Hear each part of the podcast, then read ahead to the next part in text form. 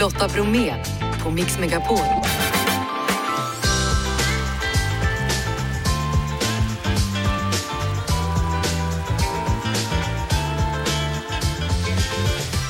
Varmt välkommen in till oss denna torsdag. Förutom en massa bra musik så blir det Bytte bytt med Alexander Hermansson, rockar, rackar-Alex kallad. Han tipsar om en serie. Polisen varnar för fel halloweenkläder. Den svenska ordboken har gått i tryck nu efter 140 år. Och på lördag så börjar Så mycket bättre, men redan idag så hör ni en av deltagarna, Dogge Doggelito. Jag säger som jag brukar då, redo Krille? Ja, Jeff? ja, Bingo-Janne? det kan du ge dig katten på. Ja, bra då. Dagens gäst, ja han kommer nu. Han är en av Sveriges mest folkkära personer som gjorde sig känd i The Latin Kings och på lördag så är det dags för honom att medverka i Så mycket bättre. Välkommen hit Dogge Doggelito alias Douglas Leon. Tack så mycket, tack. Min första fråga, du fick ju Cornelispriset 2022 Yes, absolut. och då skulle du köpa dig ett hus i Karibien, har du gjort det? Nej, jag har inte kommit iväg. Jag, jag har alltid sagt sedan jag var liten, om jag någon gång får Cornelispriset så ska jag köpa ett hus i Karibien för de pengarna som ska heta Casa Cornelis. Men det har inte blivit av än för att det, det har varit så mycket att göra, och, men det ska göras. Trodde du att du skulle hamna på en lada på Gotland och tolka andra artisters låtar när du var med i Latin Kings på 90-talet? Nej, men sen för många år sedan så uppträdde jag på Grågåsen och eh, då tänkte jag så här, hoppas att man någon gång får vara med här liksom. Och till slut fick jag vara med. Hur var det att få frågan? Ja, det var fantastiskt kul, det var efterlängtat. Och nu ringde de och jag var jätteglad och jättestolt, så det var jättekul faktiskt. Är det ett kvitto på att vara folkkär eller ett kvitto på att man har skrivit klassiker? Uff, svår fråga alltså. Jag, ja, det är väl både och kanske tror jag. Alltså grejen är att jag är ju artist så jag jobbar ju alla fredagar och lördagar och allting. Så jag har aldrig sett det här programmet en av de få för att jag alltid jobbar. Så jag har inte riktigt koll så här hur, hur spelreglerna var liksom. Men när jag väl kom dit och var där, det var så himla kul och man kände sig så stolt. Alltså det, det var bara en härlig resa. Dogge Doggelito är alltså som är gäst i Mix Megapol. Vi ska strax prata vidare då om Så mycket bättre. Hur var det att vara i det sammanhanget då? Att andra ska tolka dina låtar och, och texter? Jag tror att som konstnär och artist och skrivande musiker så tycker man aldrig om att någon ska tolka ens låtar. Man tycker det är lite jobbigt faktiskt. Eh, och jag tyckte det faktiskt, så här, jag var shit nu ska vi göra den här låten och den låten. Och, för man har så mycket minnen men sen också ens låtar är som ens barn liksom. Det var tufft, det var roligare att tolka andras låtar. Som för många artister så handlar väl en del av texterna och låtarna då om saker som man själv varit med om. Hur, hur har livet varit för dig skulle du säga? Jag skulle säga att det har varit tufft många gånger men det har också varit väldigt kul och väldigt eh, på topp om man säger och just nu känner jag att jag är på en väldigt bra plats. Mm. Din fru gick bort i cancer på 2000-talet och Ja. sen hade du ett barn som dog i magen då på Ja. din nya fru. Ja, exakt. Sen innan det så min syster gick bort också av droger och sånt där. Och karriärsmässigt har det gått bra men privat har varit väldigt tufft när sådana där grejer händer. Och det, det blev tufft eh, många gånger i livet. Hur har du gjort då för att ta dig igenom? Det, det som funkade för mig, eller min egen terapi, jag säga, det är att försöka sysselsätta sig med saker, träna, jobba hårt, ta bort den här jobbiga tiden eller ångesten eller det ledsna man hade inom sig och försöka liksom göra någonting positivt med det. Och sen går det ju inte direkt, det tar sin tid att läka liksom. Så att eh, det var väl det jag gjorde, jobba stenhårt. Det ni i Latin Kings beskrev i era texter, det gäller ju faktiskt delvis mångt och mycket i dagens samhälle. Hur känns det? Det känns, eh, det är konstigt att säga att det känns kul men grejen är att det visar ju bara att vilka bra texter och låtar vi skrev som fortfarande kan hålla idag. Jag firar också 40 år som rappare, så jag har rappat i 40 år, det är helt galet. Jag kommer ihåg när vi skrev såna här låtar back in the day så, men det här är inte sant, hur kan någon tro på det här? Ni bara Grabben på. hade en pistol för han trodde han var cool, Ja exakt. till exempel. Och då kunde ju folk eh, skoja om det och sådär men jag tror idag så är det mer aktuellt än någonsin. Och då sa vi så ja, om det fortsätter så kommer det bli eh, som vilda västern här och nu är vi där liksom. Nu har det gått eh, 25-30 år och vi är där, där vi, det vi pratade om då och det, det är sorgligt på något sätt för att för mig så tyckte jag om när Sverige var ett föregångsland för resten av världen. Nu är vi ett exempel på något dåligt och det är inte bra. Vad behöver vi göra? Oj, det är så mycket vi behöver göra. Men eh, jag tror vi måste jobba med vårt samhälle väldigt mycket och det är allt med vapen, droger, kriminalitet, utbilda folk, skolor och allt måste bli bättre liksom. Dogge Doggelito är det alltså som är gäst. Han ska berätta om en quick fix när vi är tillbaka vad gäller samhället. Dogge Doggelito är det alltså som är dagens gäst här på Mix Megapol. Aktuell då i Så mycket bättre premiär på lördag. Vi pratade lite kort där om vad behöver göras i samhället. Hur funkar det med dig? Har du fortfarande kontakt med människor i förorten där du växte upp eller bor du kvar? Ja, jag bor där. Jag har bott i förorten snart i 50 år och jag bor där jag växte upp, där jag kommer ifrån. Så jag har aldrig flyttat någonstans i stort sett. Trivs bra liksom. Men är du rädd? Jag tror alla är rädda för den här utvecklingen som Sverige har blivit tyvärr. Vi måste tillsammans nu tänka solidariskt och eh, ta varandra i händerna och gå in i framtiden tillsammans för att ändra den här negativa utvecklingen som vi har i vårt samhälle. Jag tror ingen kan säga att eh, vi är på väg åt något bra håll. Sverige är just nu ett skepp som är ute på havet i en storm. Jag tror att idag är det väldigt, väldigt tufft att vara ungdom. Alltså. Det, så som vi behandlar barnen och de unga, så kommer framtiden se ut i Sverige. De behöver stöd, de behöver utbildning, de behöver ha de bästa förutsättningarna så att vårt land i framtiden ska vara ett superland. Är det fel eller rätt att kalla dig för pionjär? Jag, jag tänker delvis på Latin Kings, ni tog hit hiphopen, gjorde den stor i Sverige och så medverkade du i reklamfilmer och sådär. Du, du går ju lite före. Ja, jag har alltid varit före, jag har alltid varit utskälld för det. det.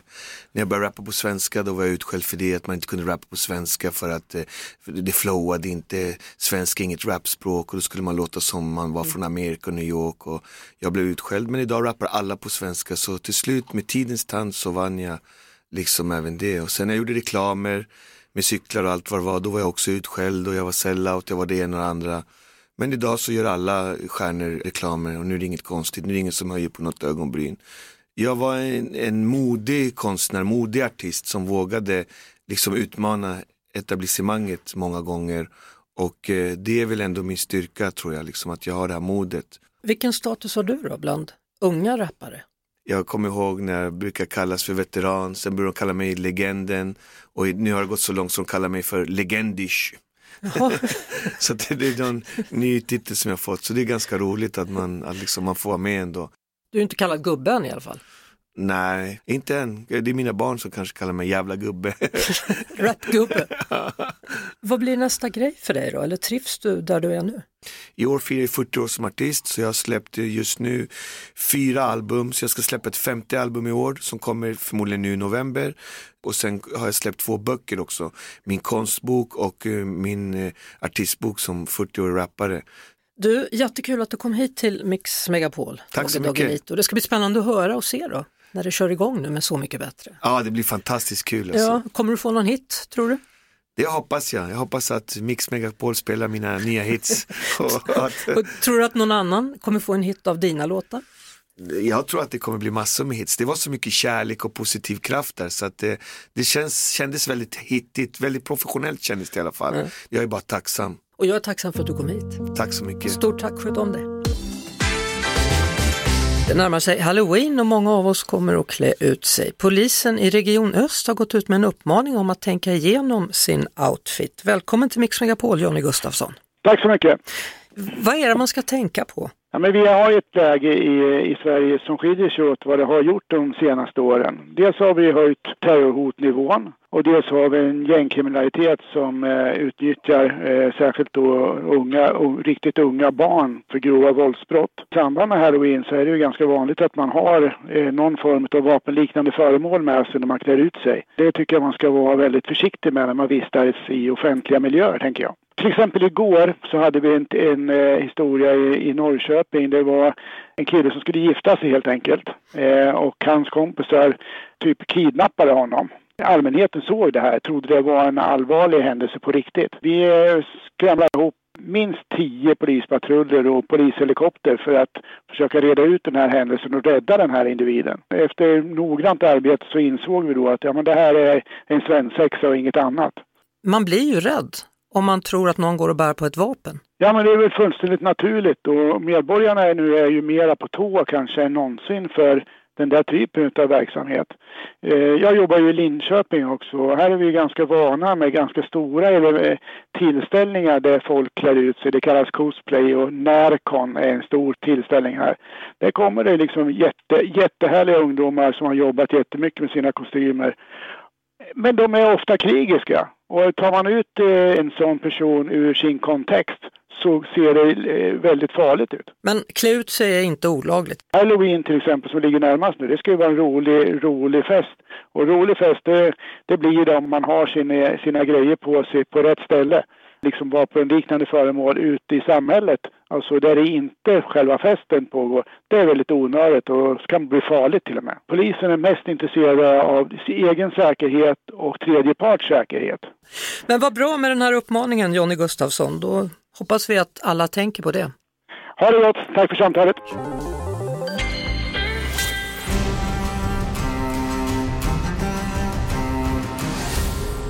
Film och serier. Då är det dags att byta lite serier och det är Alex Hermansson som ska byta med mig, Lotta Bromé.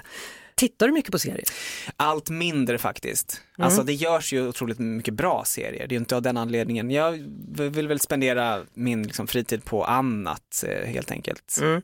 Men när du tittar, är du en sån som ser alla avsnitt på en gång eller suktar du och tar ett jag, tag? Jag var ju en sån förut, men sen jag fick barn då har det blivit väldigt segt att plöja serier eller böcker. Alltså det tar mig superlång tid, jag hinner liksom glömma bort vad, som, vad jag sett. Ska du eller jag börja? Jag börjar mm. ja. ja, men jag såg eh, på en väldigt nyligen då som jag tyckte var så gripande. Det är ju TV4s Tinder-svindlaren, alltså den svenska. Ah, den var stark alltså. Och lite, det är ett problem som är ganska nytt datingapparna och så. Och jag tror att det är bra att man eh, tittar och lär sig också på det här, så här ser verkligheten ut och de här riskerna finns. Och de här killarna åker ju inte fast heller. Nej, jag vet. Det är det som är, det är, ja, man blir så arg när man tittar klart så bara, va, åkte du inte fast? Vad är det för slut? Ja, men nu ska du få en serie där jag undrar om någon kommer åka fast. Det är en nyutkommen serie på Netflix som heter Bodies. Och det här utspelar sig i tre tider samtidigt, så det är liksom parallella universum, eller fyra till och med. Mm, snyggt. Och så har de här fyra tiderna någonting gemensamt, en död kropp.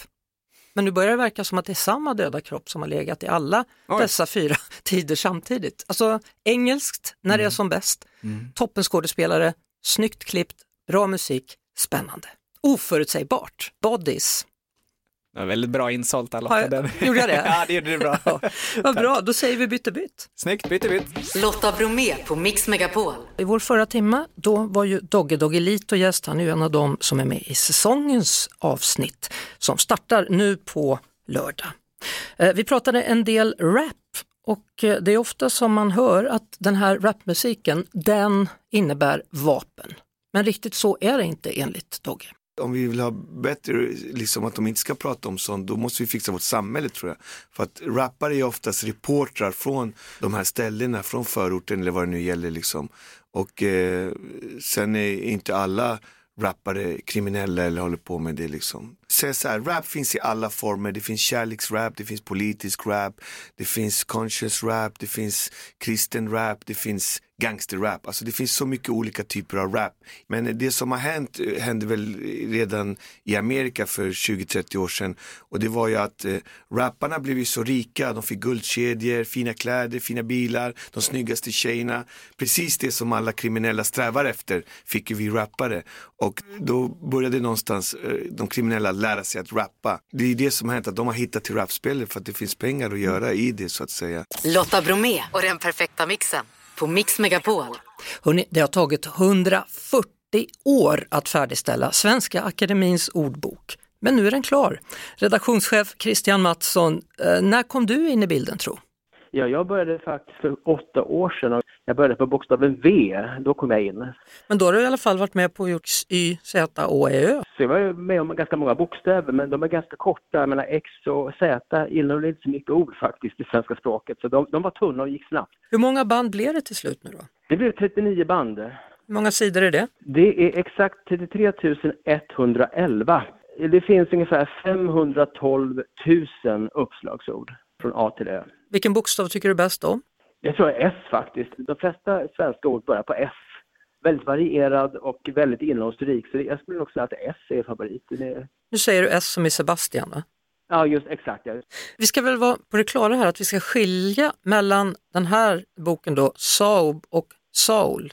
Just det, SAOL är ju en ordlista, ett enda band som beskriver de ord vi använder idag medan SAOB då är en historisk ordbok som beskriver alla ord som har använts från 1500-talet fram till våra dagar. Halloween, finns det med? Eh, det, det, finns inte med idag. Nej, H skrevs ju säkert igång på 20-talet så det finns inte med. Så det får vi se om det kommer med nästa upplaga. Vi kommer lägga till ungefär, lägga till ungefär 10 000 ord. Vi får se om halloween ryms där eh, bland dem. Hur, hur väljer ni då vilka ord som ska läggas till?